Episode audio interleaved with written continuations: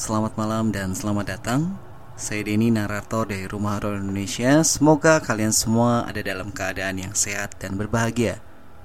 Pada malam hari ini saya akan membacakan cerita horor, khususnya mengenai tetangga.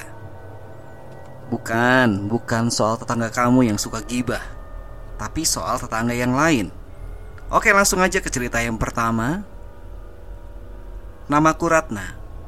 Aku baru pindah dari Bandung ke Jakarta. Kami pindah karena ayah dipindah tugaskan dinasnya ke Jakarta. Aku sebenarnya tidak mau pindah, karena jika aku pindah, aku harus menyesuaikan diri lagi pada lingkungan yang baru. Tidak hanya lingkungan yang harus aku sesuaikan, tapi rumah baru, sekolah baru, dan juga pastinya teman-teman yang baru. Aku adalah orang yang tertutup Aku tidak suka banyak bicara dan tidak suka keramaian. Jakarta bukan tempat yang cocok untukku karena terkenal dengan keramaiannya. Aku sudah bilang pada ayah kalau aku tidak ingin pindah. Tapi ayah dan bunda tetap memaksaku untuk ikut pindah ke Jakarta. Kalau kamu tidak ikut, mau sama siapa di sini? Kata ayah sambil marah padaku. Akhirnya aku pun ikut dengan mereka ke Jakarta. Di perjalanan aku hanya bisa diam Hanya bisa bermain dengan adikku Jody Aku dan Jody lalu tertidur karena perjalanan ke Jakarta lumayan melelahkan. Kak, bangun. Sudah sampai Kata ibuku sambil membangunkanku dengan lembut. Aku terbangun dan langsung membangunkan Jody. Saat aku turun dari mobil Ada yang menarik perhatianku. Hal yang pertama aku lihat bukanlah rumah yang akan aku tinggali selama di Jakarta, tapi malah rumah yang ada di sebelah rumahku. Rumah itu mempunyai suasana yang membuat bulu kuduku berdiri. Bunda, rumah yang itu kosong ya? Tanyaku pada bunda sambil menarik bajunya. Bunda hanya menjawab tidak tahu. Aku meninggalkan perhatianku pada rumah itu dan masuk ke rumah baruku. Menurutku rumah ini sangat berbeda dengan rumah yang dulu aku tinggali di Bandung. Rumah baruku ini lumayan besar dan sangat modern. Aku pikir rumahku yang di Jakarta akan lebih kecil dari yang di Bandung. Namun ternyata tidak. Setelah seharian berbenah rumah, akhirnya aku bisa istirahat juga. Aku membawa makanan kecil ke ruang tengah untuk menemaniku menonton TV. Di ruang TV sudah ada keluarga kecilku yang menunggu makanan yang aku bawa.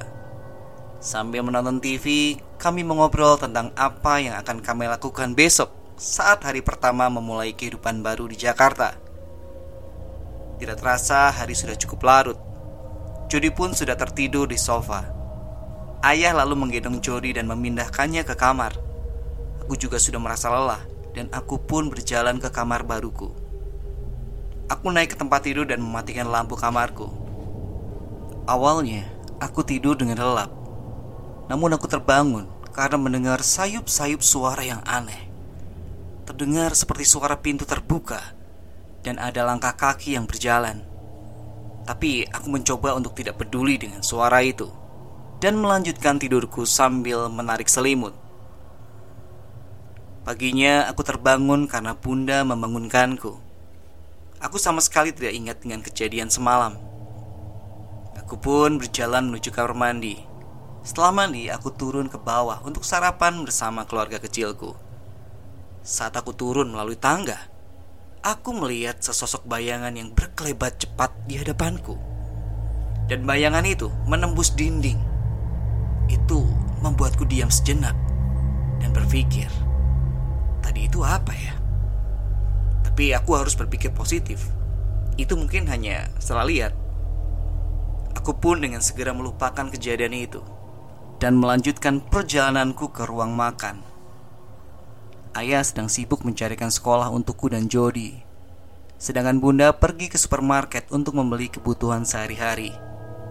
Tinggallah aku dan Jody di rumah berdua. Seketika suasana rumah berubah menjadi tidak nyaman.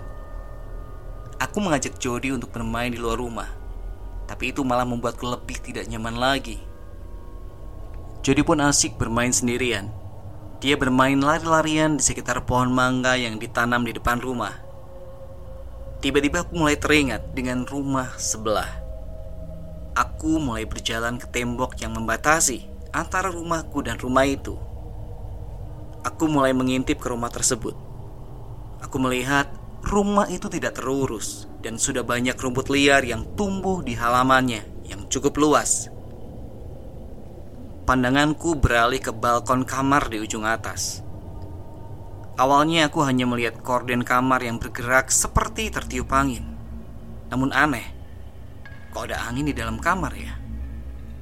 Setelah beberapa lama aku memandang ke kamar itu, muncullah sosok perempuan dengan rambut panjang sepinggul yang menutupi wajahnya. Dia mengenakan pakaian putih dan kakinya melayang. Aku tersentak kaget. Tapi aku bukannya lari masuk ke dalam rumah, melainkan malah terus menatap sosok tersebut. Sosok itu tampak marah dengan perbuatanku.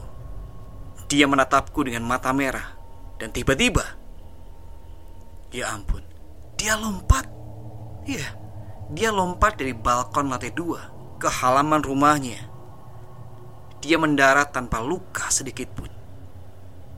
Dia lalu berjalan mendekatiku sambil tertawa menyeringai. Aku mulai berpikir, perempuan ini bukanlah manusia, melainkan hantu. Aku terdiam membeku di tempat. Pikiranku kosong. Namun saat itu, tiba-tiba Jody menyadarkanku Kak, ngapain tidur di sini? Bangun kak Bunda udah pulang Kata Jody sambil membangunkanku yang tertidur di halaman rumah sebelah Entah bagaimana aku bisa tertidur di halaman rumah itu Sepanjang malam aku terus memikirkan kejadian itu Kejadian saat aku melihat sosok perempuan dan tertidur di halaman rumah sebelah Hingga tak sadar, waktu sudah larut Mataku sudah mulai lelah dan lama-lama akhirnya aku terlelap di tempat tidurku. Aku melihat sosok perempuan itu kembali di dalam mimpiku. Sosok itu muncul dengan posisi yang sama seperti aku melihatnya di balkon rumah sebelah. Wajahnya sama, wajah yang marah. Tidak hanya sekali, bahkan hampir tiap malam, dia selalu hadir dalam mimpiku. Dan dia nampak sangat marah. Hal ini mulai menggangguku dan mulai membuatku takut. Aku memberanikan diri untuk kembali melihat rumah sebelah. Sekarang aku mulai mengintip melalui halaman belakang rumahku. Dari sana aku bisa melihat keadaan halaman belakang rumah sebelah itu. Namun saat aku mengintip, ternyata pandanganku terhalang oleh tumpukan kayu serta tanaman jalar liar yang banyak tumbuh di sekitar kayu-kayu itu. Aku hanya bisa melihat sedikit ke dalam rumah tersebut. Ternyata di rumah tersebut terdapat kolam renang yang sudah tak terawat Yang hanya ada sedikit air yang keruh dan bercampur lumut serta kotoran lainnya Saat aku sedang asyik mengamati lingkungan di sekitar kolam renang itu Aku dikejutkan dengan sosok perempuan yang tiba-tiba muncul dari dalam kolam renang tersebut Sosok perempuan tersebut membuatku menjerit ketakutan Karena keadaannya yang sudah tidak layak Mukanya hancur setengah, tangannya penuh luka seperti terbakar. Rambutnya panjang dan kusut tak beraturan. Aku kehilangan nafsu makanku karena kejadian itu. Bunda sangat khawatir dengan keadaanku ini. Akhirnya aku mulai bercerita kepada Bunda tentang kejadian yang aku alami. Sejak itu aku dilarang untuk melihat keadaan rumah sebelah lagi. Dan aku pun disuruh untuk tidur sekamar dengan Jody supaya aku ada yang menemani. Sudah seminggu berlalu. Sekarang yang aku hadapi hanyalah suara pintu terbuka dan langkah kaki. Namun suara-suara itu sudah membuatku menjadi terbiasa mendengarnya. Hari itu adalah Kamis dan biasa disebut malam Jumat. Malam itu tidak tahu kenapa aku tertarik untuk keluar rumah dan pergi ke halaman belakang sambil membawa komik yang aku baca. Aku duduk di ayunan yang ada di halaman belakang. Saat aku mulai asik dengan komikku, aku sedikit terganggu dengan suara gaduh di rumah sebelah. Sedangkan aku tahu bahwa rumah itu kosong. Terdengar suara mengobrol, diiringi suara musik yang mengalun. Itu mulai terasa aneh dan membuatku penasaran. Aku sempat ragu untuk mencari tahu suara-suara gaduh itu. Tapi rasa penasaranku mengalahkan keraguan itu. Aku mulai berjalan dan mulai mengintip. Saat aku mengintip dari halaman belakang, seperti biasa, yang langsung terlihat adalah kolam renang yang sudah tidak terawat. Dan saat itu, aku lari terpirit-pirit sambil menangis dan memanggil bundaku. Bunda langsung menghampiriku dan memelukku. Bunda benar-benar kaget melihatku yang seperti itu. Bunda dan ayah berusaha menenangkanku. Aku terus menangis sesenggukan. Dan ketika aku sudah tenang, aku mulai menceritakan kenapa aku seperti itu. Aku tadi melihat banyak sekali makhluk aneh di rumah sebelah. Aku melihat banyak sosok hantu yang biasanya ada di film-film horor. Aku melihat banyak sekali pocong di sekeliling kolam renang.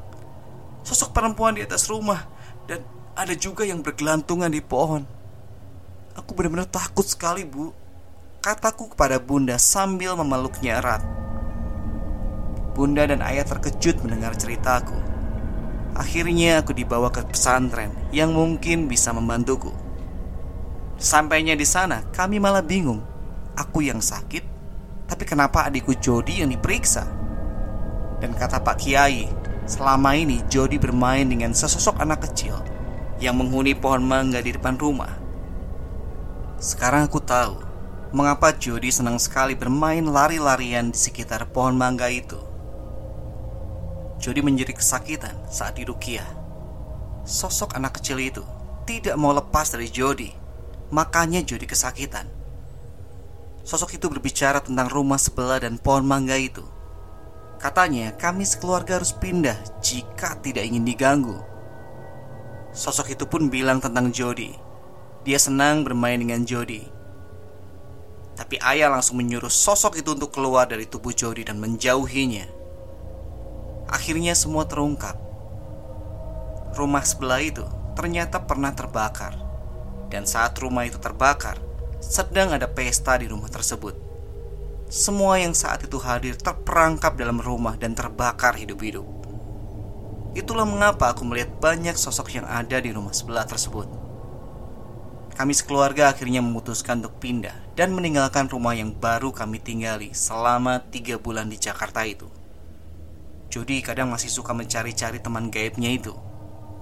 Saat meninggalkan rumah kami itu, dalam hati aku berdoa untuk arwah-arwah yang terjebak di rumah kosong sebelah. Aku pun pergi dan memulai hidupku yang baru dengan keluargaku di tempat yang lain.